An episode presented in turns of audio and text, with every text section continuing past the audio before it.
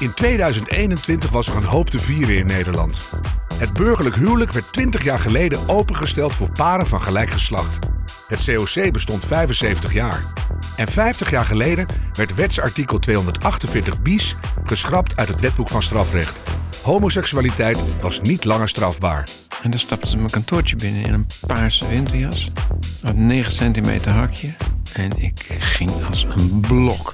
Ja, nu ben ik veel zelfverzekerder en durf ik ook gewoon uh, meer op stap te gaan en zo naar buiten. En uh, ik schaam me niet echt meer voor, zeg maar, voor mijn stem en hoe ik eruit zie. Ik ben nu gewoon tevreden met wie ik ben.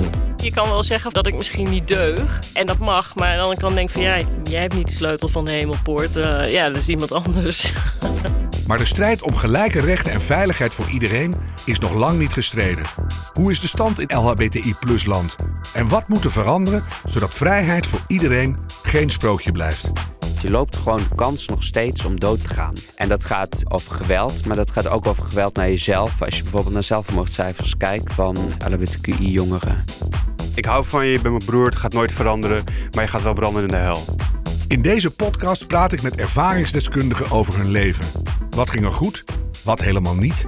En wat kan en moet er beter voor de LHBTI-plussers in Nederland? Hoe meer diversiteit, hoe meer zichtbaarheid, hoe meer openheid, hoe beter. En ik denk dat ik mijzelf wel heb geaccepteerd. Maar ik heb nog steeds niet geaccepteerd dat die grote groep mensen mij nog niet accepteert. En ze leefden nog gay en gelukkig. Het sprookje van de LHBTI plus vrijheid in Nederland. I will always be fighting for my freedom. I will never let anyone take it from me. And uh, I'm gonna enjoy my life as long as it lasts. Een podcast van Harm Edens en Merel van der Merendonk. Wil je niets missen van onze podcast? Abonneer je dan.